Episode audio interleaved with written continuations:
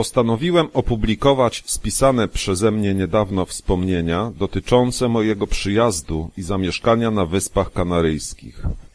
Dotychczas moje zapiski były dostępne tylko na mojej prywatnej stronie.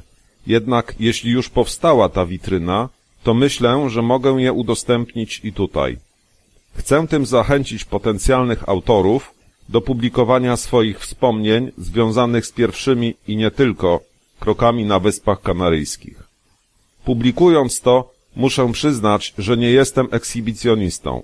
Po prostu uważam, że przekazując swoje wspomnienia i myśli innym, dzielisz się ze światem czymś własnym i powodujesz, że świat staje się dla innych ciekawszym i bardziej znanym miejscem. Zachęcam każdego do spisania swoich przygód. Nie warto być egoistą i zabierać tego ze sobą do grobu.